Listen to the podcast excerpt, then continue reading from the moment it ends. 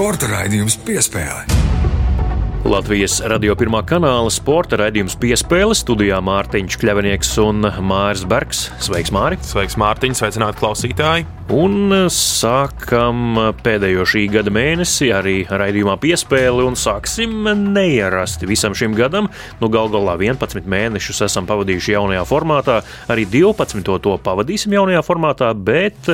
Arī nākamo gadu pavadīsim tāpat, un arī vēl daudzus nākamos ļoti iespējams. Protams, un ceram, bet eh, tieši decembrī nedaudz cits šķautni būs raidījumam piespēle. Vairāk vai mazāk viens temats eh, šajā un nākamajos divos raidījumos runāsim par eh, augsta līmeņa sportisko sniegumu, sportošanu un augstākās izglītības iegūšanu. Jā, tas būs tāds uzreiz raidījuma cikls, jo šeit, Mārtiņ, mēs ar tevi runājām, un mums šāda ideja izveidojās runāt par sportu un augstāko izglītību, par augsta līmeņa sportu uzreiz jāpiebilst. Beig beigās mēs nolēmām, ka to ietilpināt vienā raidījumā būtu negodīgi pret šo tēmu. Tas ir pārāk plašs un ir pārāk daudz dažādu stāstu. Līdz ar to vismaz dažus no šiem interesantajiem stāstiem, kā augsta līmeņa sportošana, vai tas ir profesionāls līmenis, vai, tā, vai tas ir olimpiskais atlētājs un tā tālāk. Kā to visu var savienot ar augstākās izglītības iegūšanu, un ne jau tikai bakalaura grādu iegūšanu. Mums būs studijas viesi, kas studē doktorantūrā, kuriem ir vairākas augstākās izglītības dažādās specialitātēs. Būs, būs interesanti. Vismaz pirms gadiem 15, pavisam noteikti valdīja uzskats, ka augsta līmeņa sportošana ar mācīšanos nekādi nevar apvienot. Es domāju, ka daudziem joprojām ir tāds uzskats, vai nu tu esi sportists, vai nu tu, tu mācies. Jā, to abus pār abām kārtīm pārliekt vienlaikus nevar, bet ir cilvēki, un arvien vairāk viņu kļūst, kuri pierāda tieši pretējo, ka profesionālam sportistam arī ir gana daudz brīvā laika un var iegūt augstāko un nevienu vienu augstāko izglītību. Par to arī parunāsim. Jā, kā jau Mārta sacīja, šodien viesos raidījumā būs kāds um, Latvijas izlases, viena no komandas sporta spēļu izlases rekordists. Viņš arī šobrīd doktorantūras students. Viņu vārdu atklāsim raidījuma turpinājumā, bet sākumā, protams, par un ap nedēļas spilgtākajiem notikumiem nedēļas topā, tas pēc pavisam īsa brīža. Sporta raidījums piespēle turpinās. Studijā Mārtiņš Kļavinieks un Māris Bergs. Un pagaidām vēl pie sportistiem, kuri nu, ne visi iegūst augstāko izglītību paralēli sportošanai.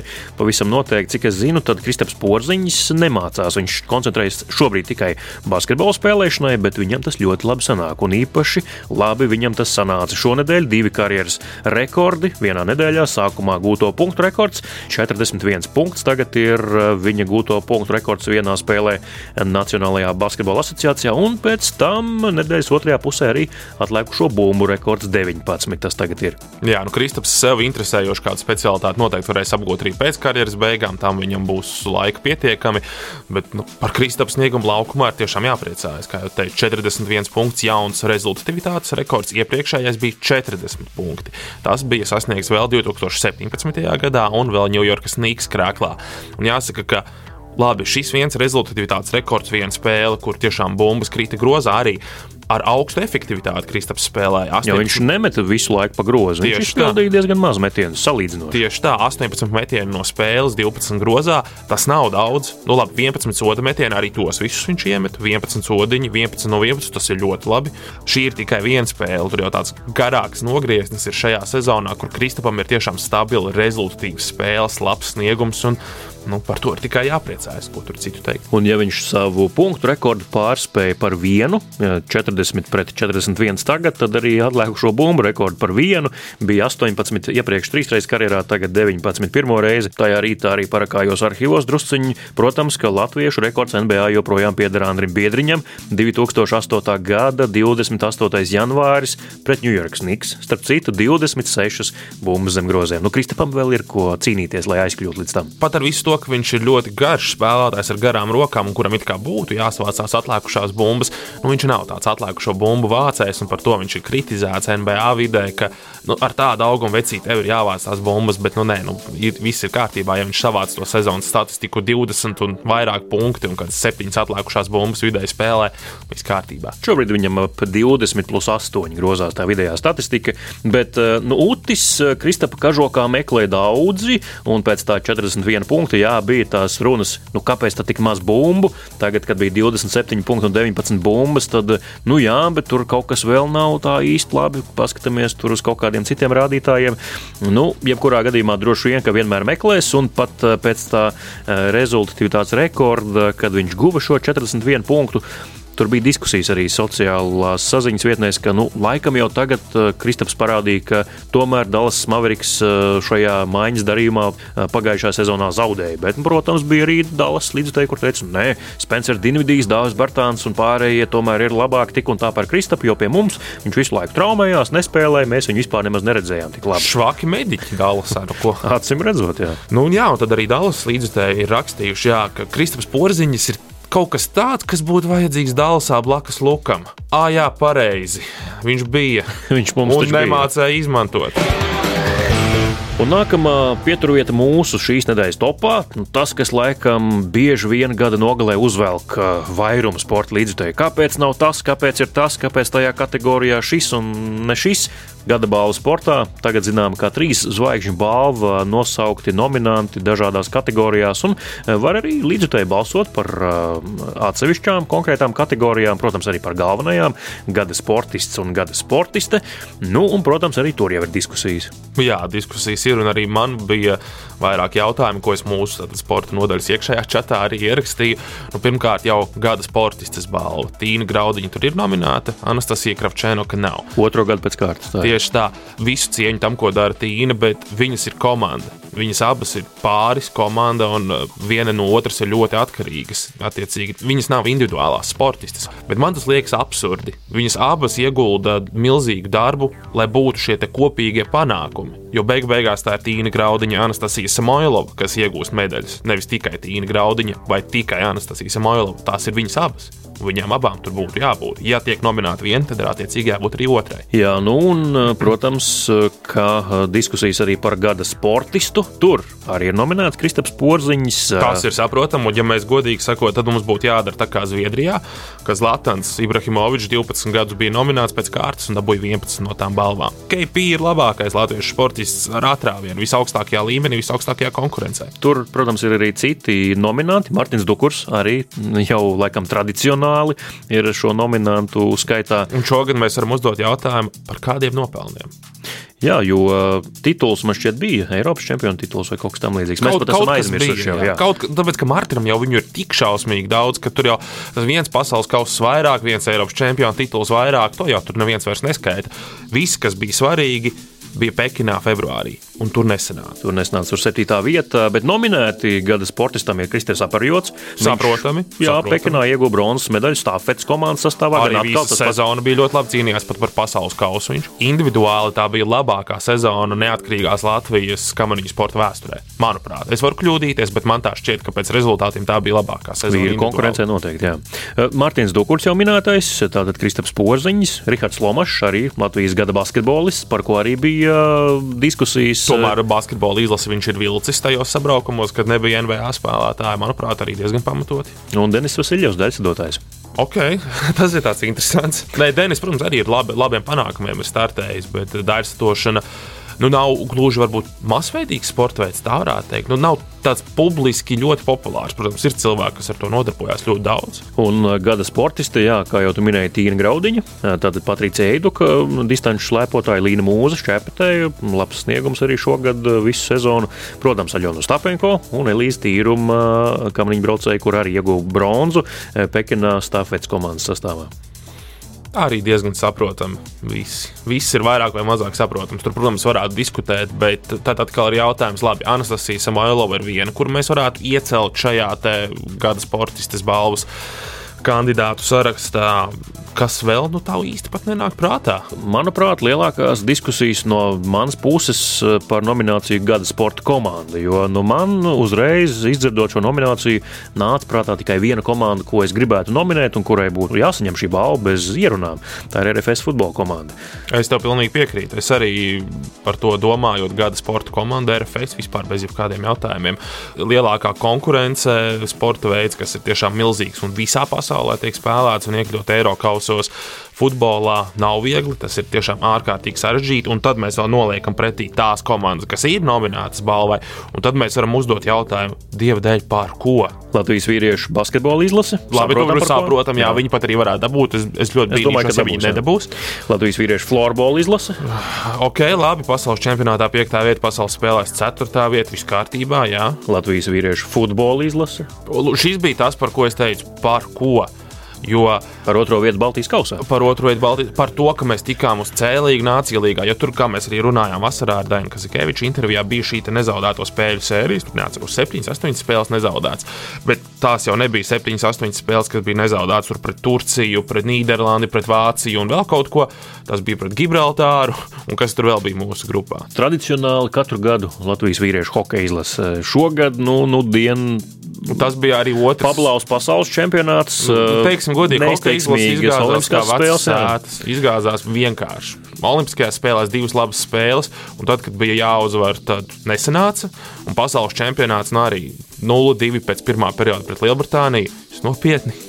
Nu, par ko? Tur, tur nebija ne spēles, ne rezultātu. Bet uh, pamanīja, ka visas četras ir uh, Latvijas izlases. Un tieši tāds arī, arī ir nolikuma punkts, kas neļauj nominēt RFS futbola komandu, ka jā, šajā kategorijā jābūt nominētām Latvijas izlasēm. Kas arī ir absurdi pēc savas būtības. Tieši tā. Tas nozīmē, ka labākie gluži vienkārši balvu a priori nevar saņemt. Viņus nav iespējams pēc nolikuma izvirzīt vispār šai balvai. Un šo nolikumu ir uzrakstījis kāds cilvēks, kuram ir vārds un uzvārds, un kuram par to būtu jāuzņemas atbildība, ka nolikums ir uzrakstīts tieši šādi. Tas vienmēr ir jautājums, kāpēc izlases? Kam par godu tikai nacionālās izlases, jo mums ir klubi, kuri var startēt augsta līmeņa sacensībās. Kāpēc klubi to nevarētu būt nopelnījuši? Bet mums straujiem soļiem jādodas tālāk nedēļas topā uz pēdējo pieturvietu pēdējais pieturas punkts, protams, ka pasaules kausa futbolā. Un šonadēļ noskaidroti astotdaļu fināla dalībnieki. Es gribētu teikt, ka šķietami visvairāk neitrālo līdzjutēju simpātijas ir piesaistījis Japānu. Tā varētu teikt, jā. Es domāju, ka tur ir vēl citas valstis, kas ir tiešām pārsteigušas. Domāju, ka Maroka varētu būt viena no tādām valstīm, kas arī tiešām demonstrē ļoti simpātisku futbolu. Un uzvarēja grupā. Un uzvarēja savā grupā, jā, pirmā Āfrikas valsts 24 gadu laikā, kas ir izcīnījusi uzvaru savā apakšā apakšgrupā ir vairākas tiešām interesantas valstis, kas varētu būt pelnījušas tādu simpātiju balvu līdz šim, un ir arī valstis, kas uh, ir likušas vilties. Dānija, Beļģija, piemēram, Beļģija, Vācija, Dānija. Beļģija, Vācija, Dānija. Jā, nu, pirmkārt, Beļģija un Vācija kā pasaules kausa favorīti ir izlidojuši. Beļģija ir otrajā vietā pasaules rangā. Bet tomēr Beļģija, protams, kādi spēlētāji tur ir. Mēs paskatāmies uz šiem vārdiem. Jā, tur traumēti, tur azārs ir pusklips jau, nu, ne tūde tas, kas viņš bija. Romelu Lukaku vienu spēli tikai nospēlēja. Jā, un cik daudz labus momentus izšķērdēja pēdējā spēlē grupu turnīrā pret Horvātiem. Un jociņi, protams, arī tīmeklī par to, ja viņš būtu šāvējs uh, tupaka slepkavībā, tad tupaks vēl būtu dzīvs. Jā, nu par Romelu Lukaku ļoti daudz jociņu, protams, bija nu, tur izšķērēti momenti, bija nu, šausmas. Nu, tiešām nu, tāds klases uzbrucējs. 99 no 100 sitieniem viņš būtu iesitis. Bet tu redzēji, kā viņš trāpīja beigās. Spēles, viņš spēles laikā tomēr kaut kam trāpīja. viņš trāpīja stiklam, kas Jā. norobežo soliņus. Tur viņš trāpīja tik precīzi, cik precīzi vien varētu trāpīt. Bet ar roku eh, nevis ar kāju. Jā, nu, tur arī tā spēle, ir īpaši tieši Beļģijas, Horvātijas spēle. Tehnoloģijas, manuprāt, jau pārāk daudz iejaucās. Tad šī epizode, Luka Modričs jau nostājas, lai sistu 11 metru sodu sitienu, un tad, tad sāk skatīties vāru sistēmu, tad sāk skatīties video atkārtojumu un ierauga aizmuguri un it kā tās līnijas ir savilktas, bet tu pat īsti nesaproti, kur tur ir aizmugure. Jā, tur beig beigās bija tā, ka plecs laikam mazliet bija priekšā horvātu spēlētājiem, un tad tur arī tika fiksēta aizmugure. Bet nu, nu, tur tādi milimetri bija. Nu, tiešām burtiski milimetri. Runājot par milimetriem, eh, bumbas projekcija un Japānas uh, Spānijas spēle. Japāņiem tagad esot jauns karoks, kur nu, šai austošajai saulē pa vidu baltiem karogam esot tāda trausla līnija taisna novilkt, kas tieši gar to uh, saules sfēras malu iet milimetru milimetrā. Jā, tas stāsta par to, bumba atstāja vai neatstāja laukumu. Televīzijas kamerās izskatījās, ka atstāja. Tiešām izskatījās, ka bumba jau bija piezemējusies tajā laukuma daļā, kas ir aiz vārtu līnijas, kad Japānas spēlētājs to izsita un dabūja centrējumu sodu laukumā. Bet tad, kad to kameru paņem no augšas, nu, tad tomēr izskatās, ka vēl mazliet, mazliet tā bumbas projekcija, tā saucamā, aizskar šo vārtu līniju. Vēl tur mazliet tu neredzi to zaļo pleķīti starp laukumu un, un, un līniju. Jā, nu tā, tā kā arī caur tādu adaptāciju izlīd Japāna, un daudz tagad ironizē, ka lūk, šāds milimetrs aizsūtīja mājās vāciešus, jo viņi ar 4-2 uzvarēja Kostariku, jā, bija starp citu arī iedzinējos ar 1-2. Trīs reizes trāpīja pa stābu. arī tas, jā, bet beig beigās uzvarēja, bet nu tā kā Japāņi pārspēja pirms tam gan pašus vāciešus, gan arī tajā dienā spāņus, tad vācieši brauc mājās. Kas bet... attiecas uz Vāciju, manuprāt, vācieši paši ir vainīgi. Viņi var vainot tikai paši sevi gan pret Japānu neizmantotās iespējas, gan tagad haosa aizsardzībā visu turnīru. Nevienu citu viņi nevar vainot, viņi paši spēlēja švaki. Mēs, protams, sekosim līdzi pasaules kausam futbolā arī turpmāk. Tas tikai decembra otrajā pusē finišēs, tad mēs uzzināsim īsi pirms Ziemassvētkiem arī eh, pasaules kausa ieguvēju šogad. Nu, tad arī varēsim rezumēt gan turnīru, gan to, kā Dohā gāja ar eh, turnīra sarīkošanu un vispārējo. Droši vien tad arī mm, eh, jā, vairāk jums pastāstīsim par par tieši aizkulisēm, nevis par sportiskiem rezultātiem. Tad būs laiks tam pievērsties. Bet šobrīd gan mēs um, noslēdzam šīs nedēļas spilgtāko notikumu topu un raidījumu turpinājumā saruna ar Latvijas hokeja izlases rekordistu par hokeju un augstāko izglītību. Sporta raidījums piespēlē. Studijā Mārtiņš Kļavnieks un Māris Barks, un Mārī runāsim par hokeju raidījumu turpinājumā, bet ne par hokeju spēlēšanu. Runāsim mazāk par pašu hokeju, vairāk runāsim ar hokeistu, ar Latvijas izlasē spēlēm bagātāko hokeistu, par ārpus laukuma dzīvi, runāsim par augstāko izglītību un par to, kā hokeisti apgūst izglītību. Pirmais sarunas viesis mums šodien raidījumā piespēle ir neviens cits kā Latvijas hokeja izlasē spēlēm bagātākais aizsargs Rodrigo Laviņš. Sveiks, Rodrigo! Sveiks, Rodrigo! Sveicināti! Cik es atceros, nu, vai apmēram zinu tos laikus, kad tu spēlēji un kad varbūt sākās tava profesionāla karjera 90. gados, pēc tam turpinājās arī 2000. gados. Hokeista attieksme pret augstāko izglītību bija tāda diezgan, nu, tāda vieglprātīga. Nu, nevienam laikam šķietam nevajadzēja to augstāko izglītību hokejā. Kā bija tavā gadījumā, kad tu biji jauns puika, ka tu par to domāji vai vispār nedomāji? Aizbraucot uz Ameriku, ja man arī bija izvēle vai nu spēlēt junioros, vai universitātē, vai profesionāli. Ja. Bet mums tās informācijas bija tik maz, ka ātrāk gribējās nopelnīt. Vienīgā doma, kas bija, ka es esmu atbraucis naudu pelnīt uz Ameriku, nevis uh, pārējām lietām. Es tikai tur uz, uzzināju, ka ir arī tādas iespējas. Universitātē mācīties un spēlēt hokeju, man tas ir sarežģīti. Vēl angļu valoda nebija tā labākā. Droši vien arī citiem hokeistiem tava gada gājuma bija ļoti līdzīgs domu gājiens. Jā, vienīgais, kas spēlēja universitātē, bija Uvis Katlaps. Visā Padomju Savienībā tāds interesants gājiens, nestandarts. Jā, viņš bija viens no pirmajiem, un Nu, man vismaz likās, ka tas ir kaut kāds eh, nu, sarežģīts solis iet universitātē un spēlēt hokeju tajā laikā. Kurā brīdī bija hokeja nu, tāds pavērsiens, klikšķis, hei, izglītība ir vērtība, to vajag apgūt paralēli spēlēšanai, pat ja tu esi augsta līmeņa spēlētājs?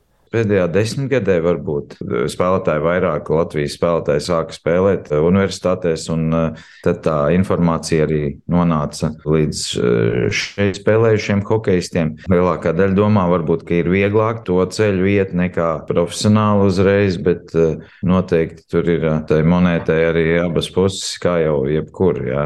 Tas nav tas Es neteiktu, ka tas ir ļoti viegls ceļš, un tas līmenis, ja tajās universitātēs atšķirās, un arī akadēmiskais līmenis krietni atšķirās tajās universitātēs. Ja, ja tu arī Latvijā neesi mācījies, tad tu nedomā, ka nu, tur tev viss. Uh, ies rožaini, eh, arī nonāk līdz universitātei. Ja tu arī esi pabeidzis eh, šeit vidusskolu, ir puisis viens, kurš tagad Amerikā spēlē junioros un kaut gan ir pabeigta universitāte, bet vienalga viņam nepietika tie punkti, un viņš vēl šogad ņem tālmācību Amerikas, lai salasītu tos punktus universitātei, lai viņš varētu startēt. Jo sekmēm jābūt labām. Protams, hokeistam jābūt labam un arī nonākt līdz tam. Amerikā spēlēt arī, kur tu nonāksi, kādā klubā, tas nav vieglākais ceļš. Tavas ģimenes gadījums.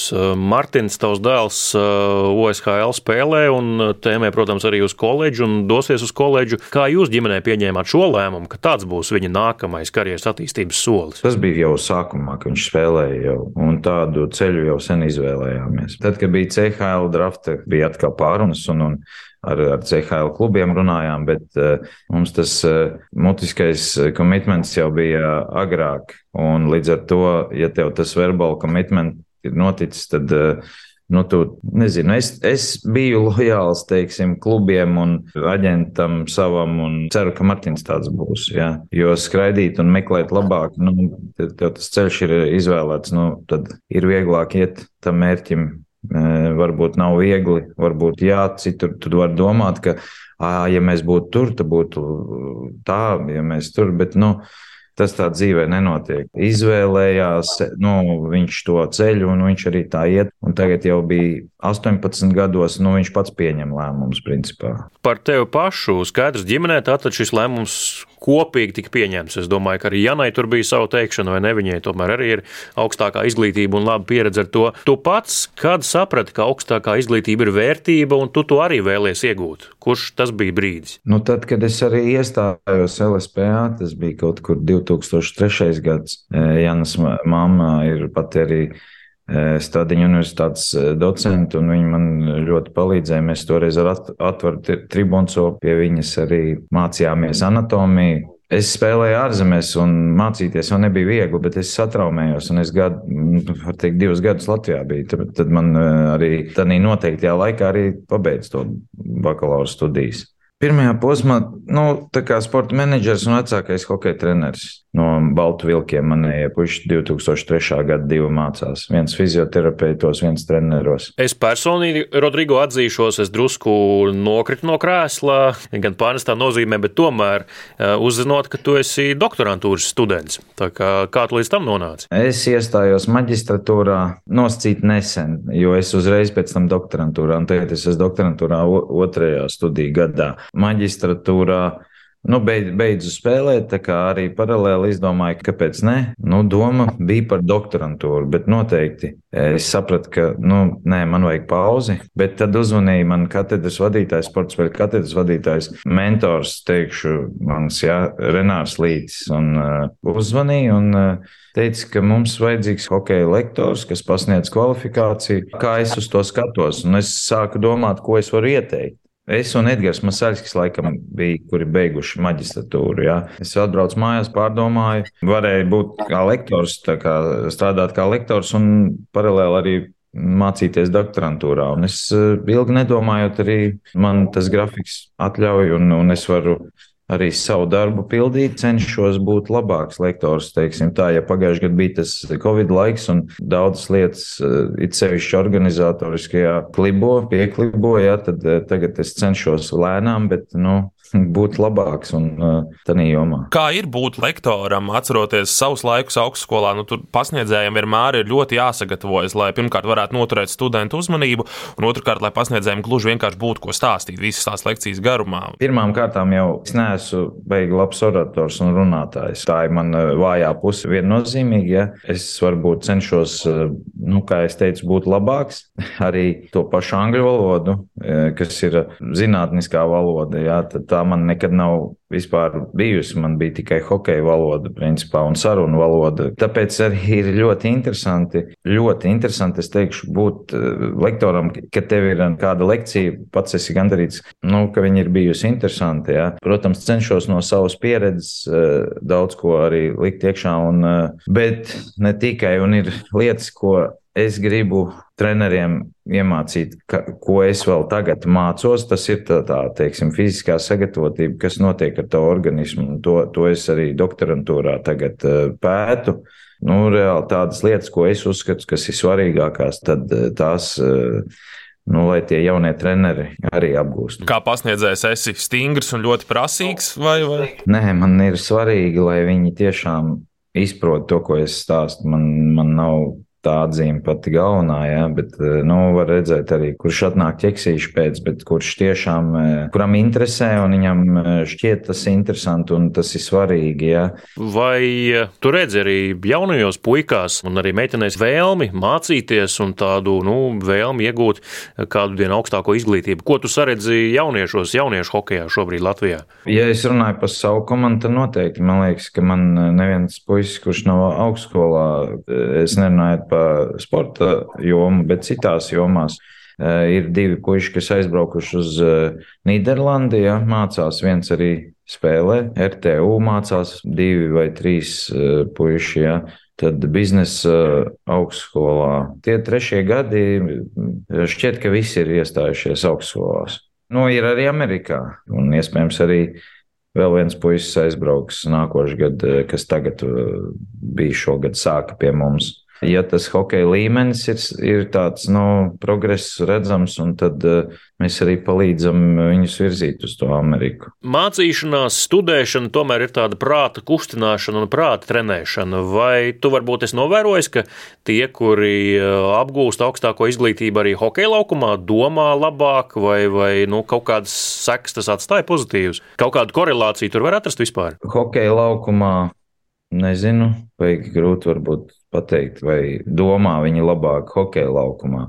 Bet eh, tādā intelekta eh, ziņā noteikti, ja, tad, kad arī es pats spēlēju Amerikā, tad eh, koledžas puiši un junioru puiši ļoti atšķīrās tieši intelektuāli un vispār tā pavisam savādāk. Es domāju, tagad, tagad ir līdzīgi varbūt. Ja. Kā es, nu, man Martins stāstīja, ka komandā kanādietis. Bija nu, treneris, viņam asistents, ja, vai kas tad, tad viņš nu, iesmēja. Nu, protams, ka Amerikā OSHL visi grib koledžā spēlēt, bet uh, eh, CHL visi grib uh, NHL spēlēt. Nu, tā. Protams, ka visi grib NHL spēlēt, vienalga, vai ne? Bet uh, tā koledža tagad ir visiem tā kā, nu, es gribu koledžā spēlēt, un, un, nu, bet vienalga tev lielam mērķim jābūt tam hokejam. Tāpat, ir, tāpat visiem ir galvenais primāri hokejs. Paldies tev, Rodrigo, par šo sarunu. Es domāju, mēs šīs sarunas gaitā ielikām tādus labus pamatakmeņus un apstiprinājām, ka izglītība ir vērtība, un tas mīts, kas kādreiz valdīja, ka profesionālam hokeistam ir tik maz brīvā laika un uh, nav kad mācīties, tad īstenībā man šķiet, ka patiesi ir otrādi. Un tagad jau daudzi profesionāli spēlētāji arī par to izsakās, ka nu, labāk tomēr pamācīties attālināt nekā spēlēt datorspēles vai uh, vienkārši nosist laiku, neko nedarot, vai ne? Jā, tieši tā piekritīšu. Paldies, Rodrigo Laviņš, um, doktorantūras students ceļā uz savu doktora grādu, un ne tikai tas, protams, arī Latvijas hokeja izlases spēlēm bagātākais spēlētājs. Um, nu, arī grūti. hokeja treneris galu galā. Arī hokeja treneris, jā, plašs profils speciālists. Paldies, Rodrigo, par šo sarunu. Paldies, ka pievienojies, Rodrigo. Jā, paldies. Latvijas radio pirmais kanāls, sporta raidījums piespēle, studijā Mārtiņš Kļavinieks un Māris Bergs, un tradicionālais rubrikas laiks. Šoreiz rubrika, kurā ieskatāmies dažādās aizkulisēs un paurķējamies drusku dziļāk, bet šoreiz nereinis Grunspēņš šo rubriku ir veidojis, bet Mārtiņš tev bija tā iespēja to darīt. Jā, šoreiz es šo rubriku veidoju, un šajā reizē es sarunājos arī ar vēl vienu studējošo sportistu, arī nu, jau bijušo sportistu, bet ne hokeistu sportistu. Šajā gadījumā ar vieglatlētu un vienu no Latvijas labākajiem vidējo distanču skrējējiem savā laikā. Tas ir tagadējais Latvijas Vieglatlētikas Savienības ģenerālsekretārs Dmitrijs Mirkevičs. Arī viņš savulaik pirms gandrīz 20 gadiem uzsāka studiju gaitas Amerikā, ASV koledžās, Nebraskā. Un, jā, kā pirmā gada students arī piedalījās Atēnu Olimpiskajās spēlēs. Viņš arī ir uzvarējis koledžas čempionātā 800 metru distancē, ja nekļūdos. Vienā no distancēm viņš ir uzvarējis katrā ziņā koledžas čempionātā. Tas bija laiks, tad pirms 20 gadiem, kad daudz šīs informācijas, arī kā nu pat intervijā dzirdējām, nu, tas nebija pieejams. Nebija internets, nebija vienkārši informācijas par to, kas tas ir. Kā Dmitrijs nonāca Nebraskā, kur bija priekšgājēji arī no Latvijas, to klausāmies turpinājumā. Kas lācītim vēderā? Zināju, ka es gribu mācīties, gribu līdzināties saviem vecākiem, kuriem bija inženieri. Man tās mācības vienmēr bija prioritāri.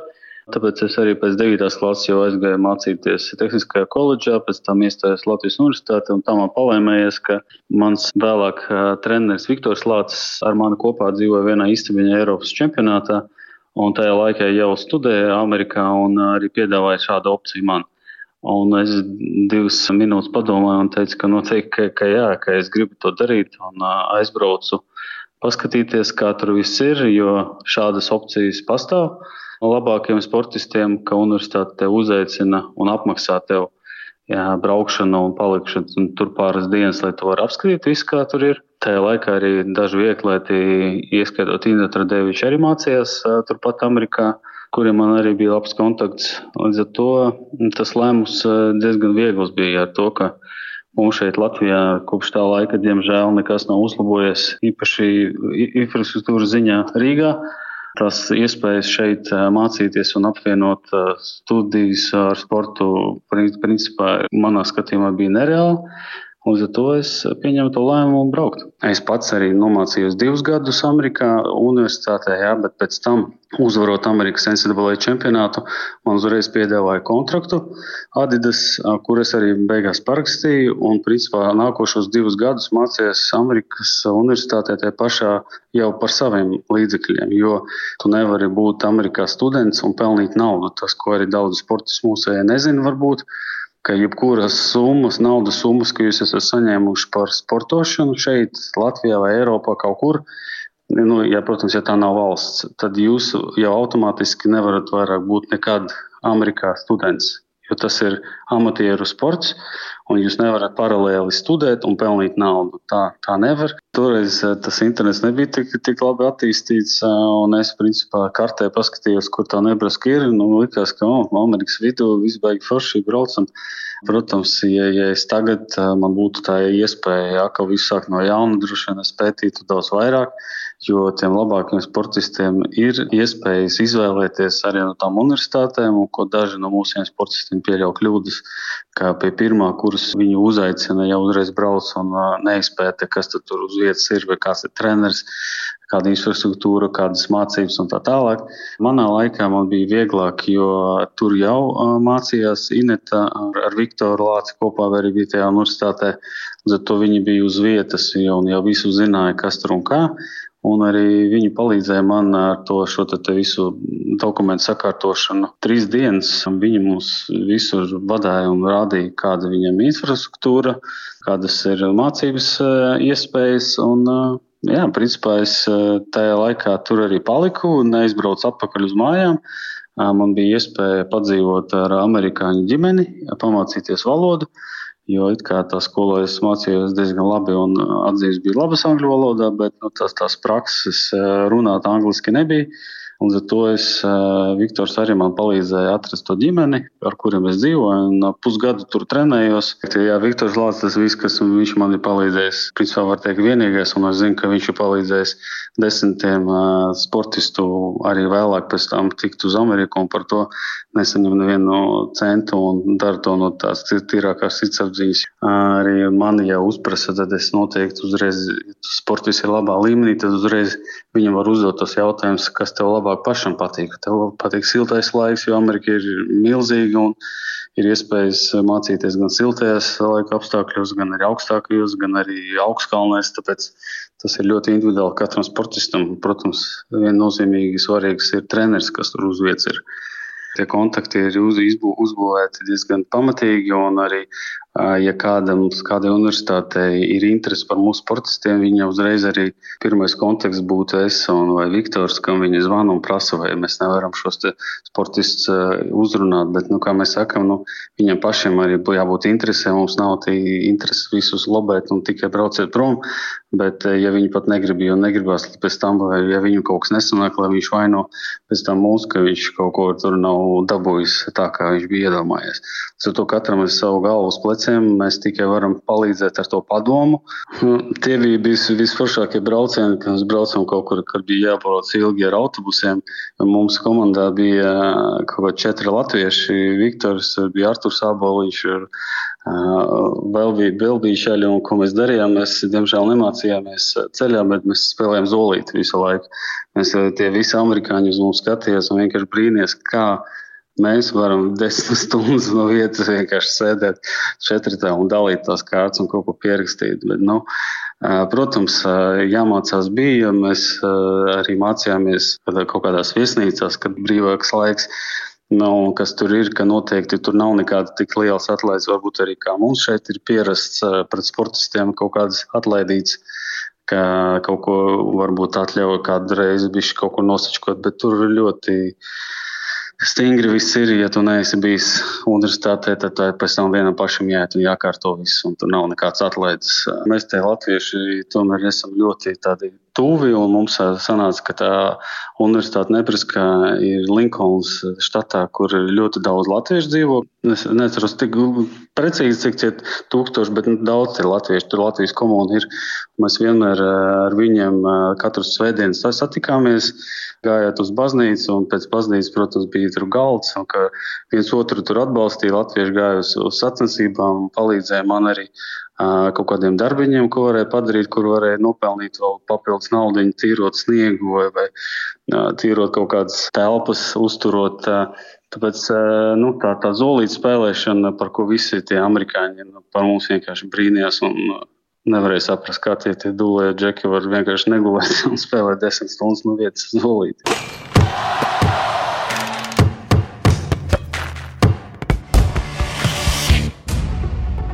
Latvijas radio pirmais kanāls, sporta raidījums piespēle, Mārtiņš Kļavnieks un Māris Bergs. Studijā tālu gan Rodrigo Laviņš, gan arī Dimitrijs Miļkevičs par uh, savām uh, studiju gaitām, kuram tās vēl turpinās, kuram noslēgušās. Šis tātad aizsāka tādu raidījumu ciklu, trīs raidījumu ciklu, kurā mēs stāstām par augstāko izglītību kā vērtību arī sportistu karjerā, turklāt apvienojot ļoti augsta līmeņa sportošanu ar augstākās izglītības iegūšanu. Un te jāpiebilst, ka šis nebūs vienīgais raidījums, kad par to runāsim. Jā, tieši tā. Mums vēl nākamie divi raidījumi tātad ir priekšā. Līdz ar to, jā, cerams, ka mēs arī varēsim kādu sportistu iedvesmot. Varbūt kādu, kurš šaubās, kāds 18, 19 gadus vecs sportists, kurš šaubās, ko iesākt, pievērsties profesionāli vai iet studēt. Jā, līdz ar to šīs nedēļas piespēle izskan. Meklējiet to visur, kur dzīvo podkāsti, podkāstu klausīšanās vietnēs. Um, bet mēs šoreiz no jums atvadāmies līdz nākamajai nedēļai. Jā, paldies, ka klausījāties. Svarīgi vēl piebilst, ka Mārtiņā, kā mēs teicām, trīs raidījumi. Jo ceturtais raidījums šajā mēnesī mums iekrīt 25. decembrī, un 25. decembrī gan mēs, gan jūs svinēsiet Ziemassvētkus. Līdz ar to 25. decembrī piespēles skanēs atkārtojumā, taču gan nākamnedēļ, gan arī aiznākamnedēļ mēs būsim šeit ar pilnīgi pilnīgi jauniem, oriģināliem stāstiem. Tiekamies jau pēc nedēļas. Uz redzēšanos!